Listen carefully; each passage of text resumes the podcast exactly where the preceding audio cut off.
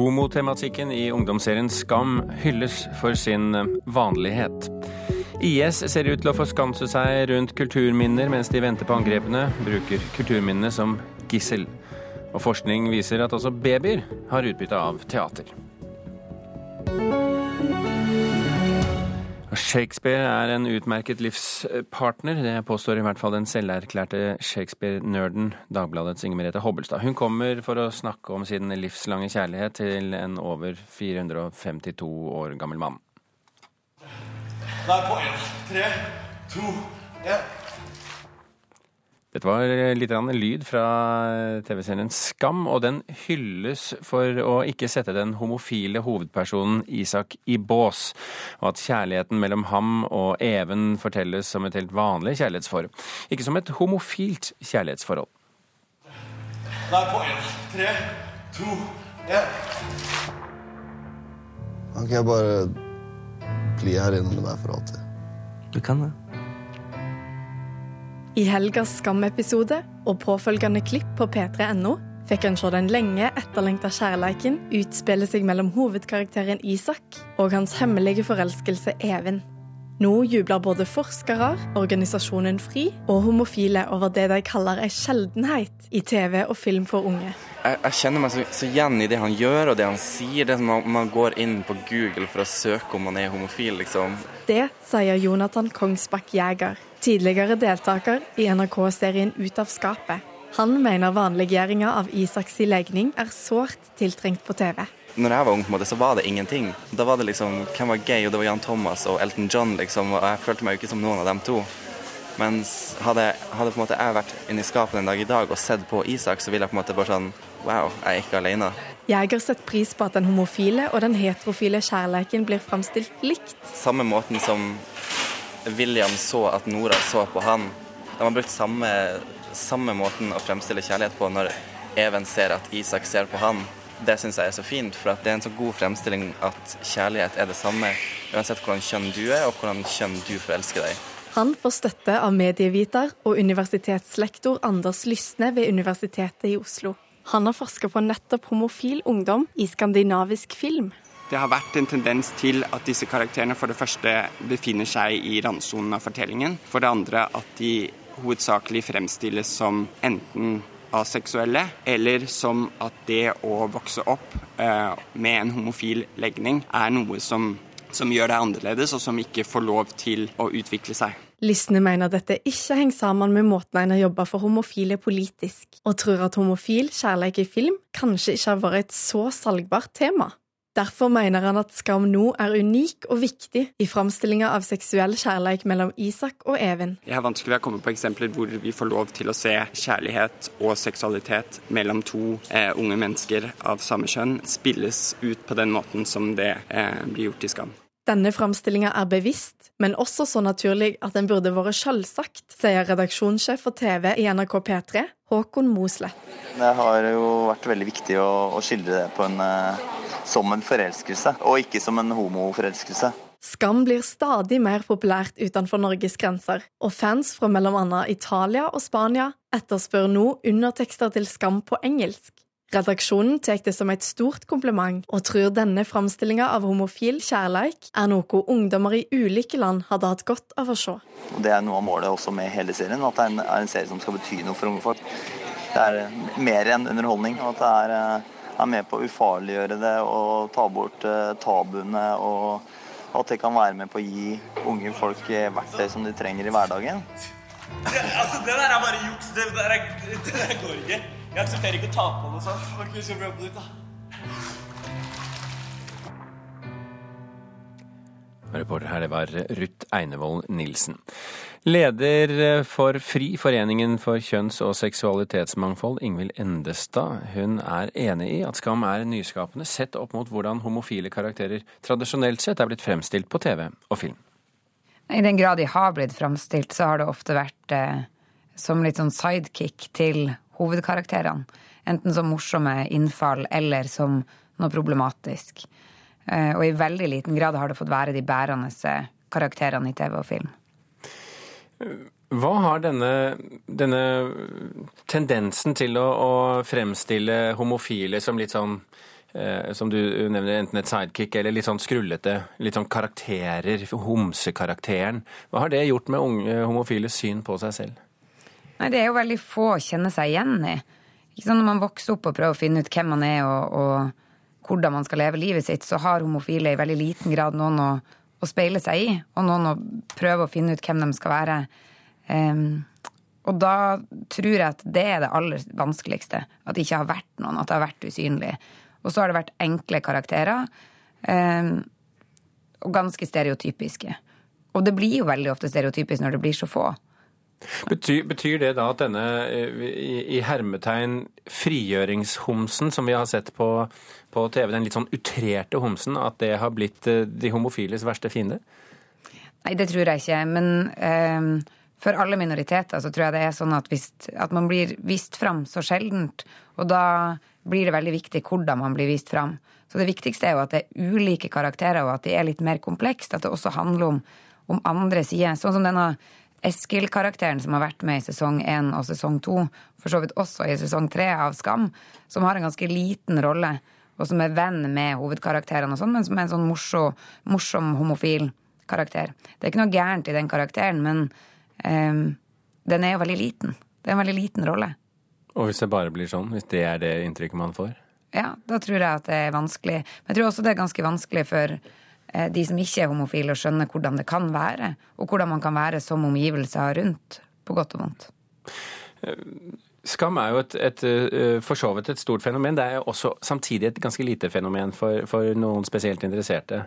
Eh, altså, da snakker vi i forhold til hele befolkningen. På hvilken måte kan Skam bidra til å hjelpe unge homofile, tror du? Jeg tror man får et språk til å sette, sette på de følelsene man har tror man får noen rollemodeller å se opp til. Og så tror jeg også at man får omgivelser som blir bedre på å sette ord på det, og blir bedre på å støtte opp under. Eh, og det ser vi også i kommentarfeltet på Skam, at det stort sett er positive reaksjoner på denne kjærligheten. Og det tror jeg er ganske viktig også for unge å se. At det er noe flere kan kjenne seg igjen i. Eh, vi oppfatter jo det dit hen at det er vanskelig å komme ut av skapet eh, i samfunnet i dag, men kanskje vanskeligere noen steder enn andre steder. Altså lettere i urbane strøk der man har mange rollemodeller, vanskeligere eh, på bygda der man ikke har så mange rollemodeller. Eh, tror du dette, denne TV-scenen slår an like godt overalt? Det, jeg tror nok det er mange som eh, ikke kjenner seg igjen i Skam. Ikke nødvendigvis bare fordi Eh, fordi det handler om å være homo. Men det tror jeg nok mange også tenkte i sesong én og sesong to, at disse store festene på vestkanten med mye penger og mye mennesker og, og høy champagneføring på videregående skole ikke nødvendigvis er noe alle kjenner seg igjen i. Men det er jo mye nærmere enn de Hollywood-produksjonene man har sett før av, av ungdomsserier. Og så trenger det jo ikke være så realistisk for at man skal kunne ha forbilder heller. Leder for FRI, Ingvild Endestad der.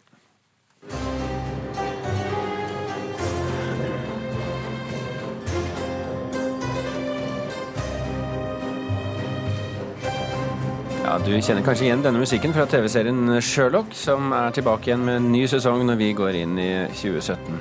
Men den får du ikke sett på tradisjonell TV uansett hvor du er i verden. Kulturreporter Nikolai Voldsdal eh, hvem er det som gjør livet surt for disse 150 TV-selskapene? Det er jo strømmetjenesten Netflix som Klassekampen skriver har eh, kjøpt opp rettigheten til å vise Sherlock, eh, og at de med det vinner av TV-kampen. Eh, Det betyr bl.a. at SVT og Norge ikke lenger får lov til å vise denne svært populære TV-serien. Førstnevnte har til og med klaget til BBC, som har laget serien. Og medforsker Gunn Enli er en av de som sier at nasjonale kanaler nå taper rettighetskampen våpen og noe av det arvegodset som kanalene tidligere har hatt, f.eks. da med Sherlock. Og da mener forskere som Klassekampen har snakket med bl.a. Vilde Skanke Sundet, at nasjonale TV-kanaler nå må satse mer på eget TV-innhold. Og det kan jo se ut som de gjør det, med tanke på at eh, Nobel og Frikjent og Aber Bergen, som eh, denne høsten har blitt sendt på henholdsvis NRK, TV 2 og TV 3. Så skriver Aftenposten i dag eh, at Aker gård er til salgs. Aker gård, det er vel på eh, Åker gård, tenker jeg vi sier. Ja, for det, vi snakker om oppå Hedmark. ikke sant? Den er til salgs for 19,7 millioner kroner. Og da er det ordføreren i Hamar som kaller det en kulturpolitisk skandale. Hva er det han snakker om da? Det er jo da at eh, Statsbygg nå vil selge denne kongsgården, der eh, norske konger ble valgt i middelalderen, og kan anses da for å ha vært et maktsenter i vikingtida. Gården i seg selv er på 7000 kvadratmeter og ligger på Ridalbu i Hedmark, eh, med alt fra soverom til hønsehus.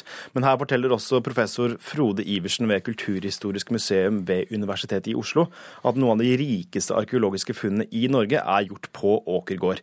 Men Statsbygg sier at de har slitt med å finne noen faste leietakere, som nå gjør at de legger det ut for salg, fordi de har problemer med å dekke husleia. Og en som har råd til å kjøpe det, men neppe er interessert, det er hun her.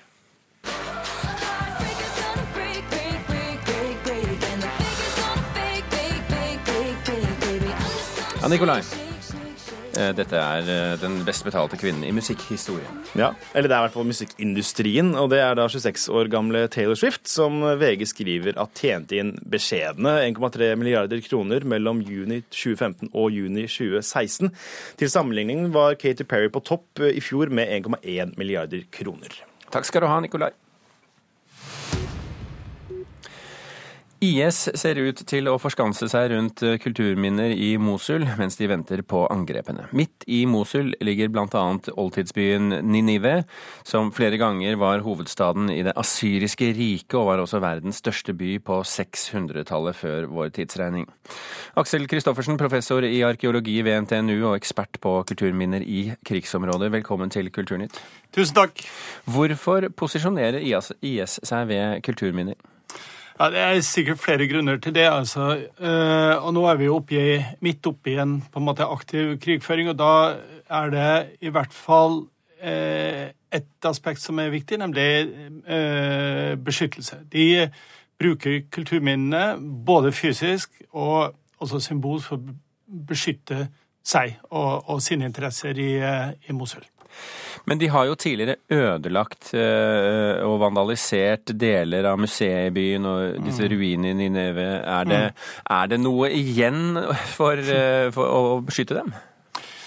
Ja, altså, det er litt, som jeg har tatt tidligere, det er forskjellige grunner til at de på en måte aktivt involverer kulturminner i, i, krig. Og det de har gjort, det er jo ikke bare i, i Ninive, det er jo Nimrod, Hatra, som de har ødelagt i 2015. Og det er mer eh, symbolladet ved å ødelegge eh, kulturminner som Vesten oppfattes som eh, på en måte helt avgjørende for deres identitet og betydning og, og plass i historien, så sier de til Vesten at vet du hva, vi, det er oss som kontrollerer området her, dere kan ikke gjøre noe med det. Vi bokstavelig talt eh, driter i deres kultur og forsøker å opprette våre egne røtter her i området. Men hvor vanlig er det å barrikadere seg bak kulturminner? Det er jo veldig forskjellig fra sted til sted her i verden, vil jeg tro. Ja, Det er jo det, er jo det, det, vi, det vi, har sett, og det, er en, dessverre en lang historie bak, det er at eh, når det oppstår krig og konflikter, enten det er mellom nasjoner eller også mellom eh, etniske religiøse grupper, så involveres eh, kulturminnene som en slags kulturell kapital som kommer i, i, i spill. Og Grunnen til det er at de har så stor betydning for identitet og tilhørighet. Og Ødelegger du dem, så gjør det også noe med motstanderens eh, skal si, identitetsfølelse, samhold. og Det handler om eh, krigsmoral og motstand å gjøre også. I Mosul så finner vi, eh, i hvert fall enn så lenge, restene av den, en av de eldste byene i Mesopotamia. Mm. Går det an å si noe kort om, om hva som går tapt dersom ødeleggelsene her blir for store? Ja, det er, altså Mosul er jo en av de eldste og største byene i det, i det syriske riket, og, og, i og for seg også i det partiske riket. Og eh, det er kulturminner fra alle tidsaldre. Og ikke bare det, det er også en by med stor etnisk og kulturell identitet. Det er kristne der, det er eh, muslimer, det er eh, en rekke ulike varianter av muslimsk og kristen eh, tro. De har sine kulturminner. Flere av dem går tilbake til, til eh, altså før Kristi fødsel, og flere av dem er allerede ødelagt. Det er en lang rekke klostre, borganlegg, kirker, akademiske skoler osv. som de kan ødelegge hvis de vil. Aksel Kristoffersen, eh, professor i arkeologi ved NTNU, takk for at du var med i Kulturnytt. Takk selv. Klokken har passert 18 minutter over åtte. Du hører på Kulturnytt, og dette er toppsakene i Nyhetsmorgen nå. Mange menn tester seg for prostatakreft. Helt unødvendig, mener allmennmedisinere. Oljeprisen kan kollapse og arbeidsledigheten stige, advarer oljeekspert. Og politiet trenger klare regler for hvordan de kan bruke informanter i kriminelle miljøer, mener Advokatforening. Det hevdes til kjedsommelighet at Shakespeare er like aktuell i dag som den dagen han døde for 400 år siden. For menneskenes hjerter forandres aldeles intet i alle dager. Men for den jevne nordmann er Shakespeare en smule utilgjengelig, en smule vanskelig og til og med en smule fryktinngytende og uoverkommelig. Så derfor, på tampen av årets 400-årsjubileum for Shakespeare, kommer det nå en bok som er ment å komme folk i møte, en bok som er ment som en brekkstang til å bryte ned muren av vanskeligheter rundt Shakespeare. En bok med den ambisiøse tittelen 'Å leve med Shakespeare'. Forfatter Inger Merete Hobbelstad, velkommen til Kulturnytt. Tusen takk for det. Å leve med Shakespeare, vil du anbefale det? Å ja. Så da føler man seg aldri alene. Fordi samme hva man har av forskjellige forvirringer og dilemmaer og tvil, så er det jo ofte et ekko av dem i de skuespillene, da. Eh, Så det syns jeg gjør alt, alt litt eh, morsommere, egentlig. Men eh, er, du sier at man aldri er alene. Det betyr vel at man sitter på sitt lønnkammer og leser eh, alene? Eh, nei, men det betyr at altså, Jeg har ofte tenkt det at de måte forfatterne som eh, skriver veldig bundet av sin egen tid, av problemstillinger der, eller dømmer personene sine ut fra normer i sin egen tid, de går ganske fort ut på dato. Men de som klarer å fange kompleksiteten i psykologien og relasjonene vi strever med, da, de har en tendens til å leve evig, og det er jo noe av det Shakespeare gjør. Og noe av det jeg også skriver om i denne boken, er jo den påvirkningshistorien han har hatt. Altså at eh, Abraham Lincoln og Goebbels og Virginia Woolf og altså bare snille og slemme og eh, mektige og kunstneriske mennesker har latt seg inspirere av Shakespeare. Og det har litt med å gjøre at dette er såpass mangfoldig litteratur at så enormt forskjellige personer kan lese denne litteraturen og tenke at det handler om dem. Men hva kreves da for å gå inn og skaffe seg et forhold til Shakespeare? For det er vel ikke noe som kommer kasta på en? Altså, Det jeg tror, det er at fordi dette jo er renessanselitteratur, rett og slett, det er jo skrevet ut fra en sjanger og, som er ganske fremmed og med et ganske annet publikum enn oss i tankene, eh, så kan mange oppleve at det er noe som lugger litt når de prøver å bare ta Hamlet ned fra bokhylla og, og lese. Noe som kanskje særlig ligger i språket, og ligger at de ofte skuespillerne kanskje forutsetter litt forhåndskunnskap som 2016-lesere ikke har har. Og det var litt det jeg ville gjøre, er å liksom forklare Altså prøve å gi informasjon du mangler, da, når du setter deg, når du setter deg og lyst til å se nærmere på, på, Shakespeare, for at du skal kunne skjønne hva det er de faktisk snakker om der. For det kan være litt, det kan være litt motstand i det. Du, du, bruker jo egne erfaringer, historiske hendelser, politisk dagsaktuelle ting. Andre forfattere, ikke minst filmer og TV-serier, som, som dagens folk forholder seg til mer enn Shakespeare. Um, har du vært redd for å hverdagsliggjøre ham på et vis? Eh, nei, jeg, prøver, jeg, tror egentlig jeg har lyst til å hverdagsliggjøre ham litt. Eh, nettopp fordi jeg føler at det er såpass mye allment, eh, allment i det. Og så kan jeg ta et eksempel fra en romantisk komedie, 'Storstad er for ingenting', som mange kjenner fra filmene om den. Altså Det er jo nesten den første sånn 'jeg hater deg, nei, jeg elsker deg' romantiske komedien, hvor det er et par som egentlig går og kjefter på hverandre, og alle skjønner at de egentlig vil ha hverandre. Men er det en ting som det skuespiller viser, så er det jo det at det kan jo være slik at du aldri er så frekk som mot den personen du er forelska i. Ikke sant? Fordi den som er veldig forelsket og ikke vet hvor den andre står, kan jo føle seg veldig prisgitt den andre. ikke sant? Og, sånn, og det å enten flørte med en annen eller være litt sånn småaggressiv tilbake, det kan bli en måte å jekke seg selv opp og prøve å ta litt sånn makten tilbake. da. Shakespeare er veldig opptatt av makt, og ikke minst makt i kjærlighet. Men Er det makt som har vært styrende for hvilke teaterstykker du har plukket ut? For du har jo selvfølgelig ikke plukket ut og skrevet om alle 38 stykkene, du har valgt deg ti. Ja. Hvorfor akkurat disse ti? Det har litt med å gjøre at det er fire som er på en måte de store tragediene, som ville vært litt sånn et tomrom hvis de ikke var der. Det er Hamlet og Macbeth og Otello og Kong Lear. Og så må man jo skrive mye om kjærlighet, syns jeg, når man skal skrive om forfatteren som skrev Romeo og Julie. Så der er jo Romeo og Julie, As You Like It og En midtsommernattsdrøm og Storstad for ingenting. Fordi de belyser hvordan Shakespeare beskriver kjærlighet. Og så er det to små nerdestykker som jeg bare er så glad i og gjerne vil dele. Ja. Inger Merete Hobbelstad, eh, dette er altså boken 'Å leve med Shakespeare'. Da har du eh, fått den eh, ut og lever videre i beste velgående. Takk for at du kom til Kulturnytt. Selv takk. Vi skal til Tromsø. Vi skal ikke forlate teaterverdenen helt. Men på sett og vis så skal vi det. For de neste ukene så kan de aller yngste oppleve teaterforestillingen Bæ bæ lille på Hålogaland teater i Tromsø. Har ingenting med Shakespeare å gjøre, selvfølgelig. Men eh, det er fordi at babyer også har utbytte av teater, ifølge regissøren. Inne i et telt spilles teater for de aller minste. Det er sanselig og visuelt og har garn som gjennomgangstema. Det er jo ingen som har så mye strekka klær som de aller alder 0 til 3 år. Hvis noen, en unge skal bli født, så bare begynner alle mulige folk å strekke som egentlig ikke kan strekke. For man vil liksom ha lyst til å vise kjærligheten i de strekkeplaggene som man da gir til de som er født. Det danses med store strikkepinner og lekes med enda større garnnøster. Ei lampe i ull stiger til værs, mens små publikummere følger nøye med.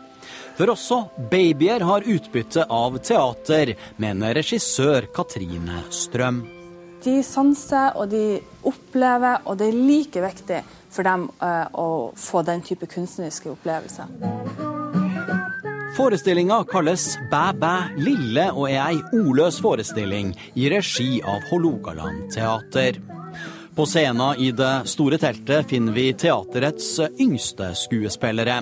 Blant andre Cora Kalberg og Fia Augusta Bøckmann. Det er kjempeartig. De er så oppmerksomme. Ja, de følger sånn med. Ja, det er så artig å leke med dem. Og man føler at man er babyer noen ganger. Sjekk den her. Forskning fra Dronning Mauds minne i Trondheim forteller at småunger som ser teater, får en ekstra push i utviklinga. Katrine Strøm har jobba med barneteater gjennom hele si karriere, og syns det å lage teater for de aller minste er annerledes enn annen teaterproduksjon. Man kan ikke bare lage en koreografi eller lage en forestilling og så bare spille i vei. Det er hele tida at man må ta inn publikum, man må sense dem. Er, liksom, er det mange som er redd, så må vi kanskje dempe spillet. Er de veldig modige og vil ha mer, så kan man gi på litt. Det er det veldig fint å tenke på at kanskje lager vi her i dette rommet her barn sitt første møte med kunsten. Det er ganske fint, og det er ganske viktig. Det sa teaterregissør Katrine Strøm ved Lille Hålogaland teater i Tromsø. Bæ bæ lille har premiere neste fredag, reporter her det var eh, Rune Norgård Andreassen.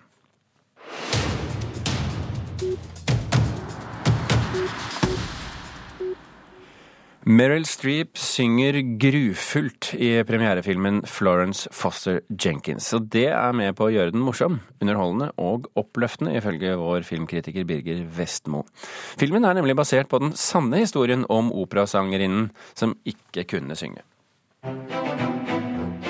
I'm so excited. We're going to make a recording.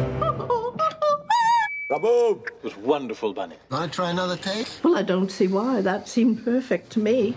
Historien om Florence Foster Jenkins er for god til å være sann, rent bortsett fra at den faktisk er sann.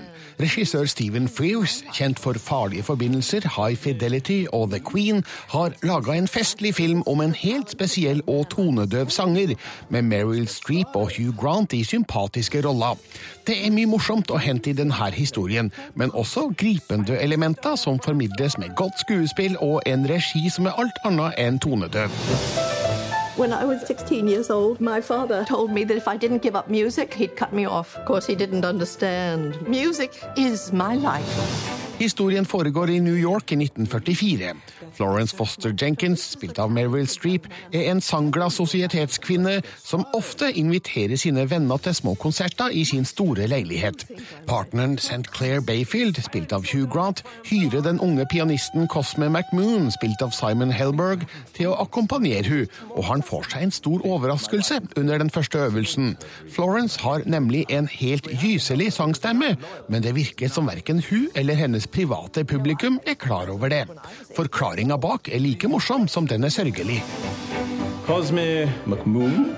That's me, sir. Maestro, this is the talented young man I was telling you about. And let's get started.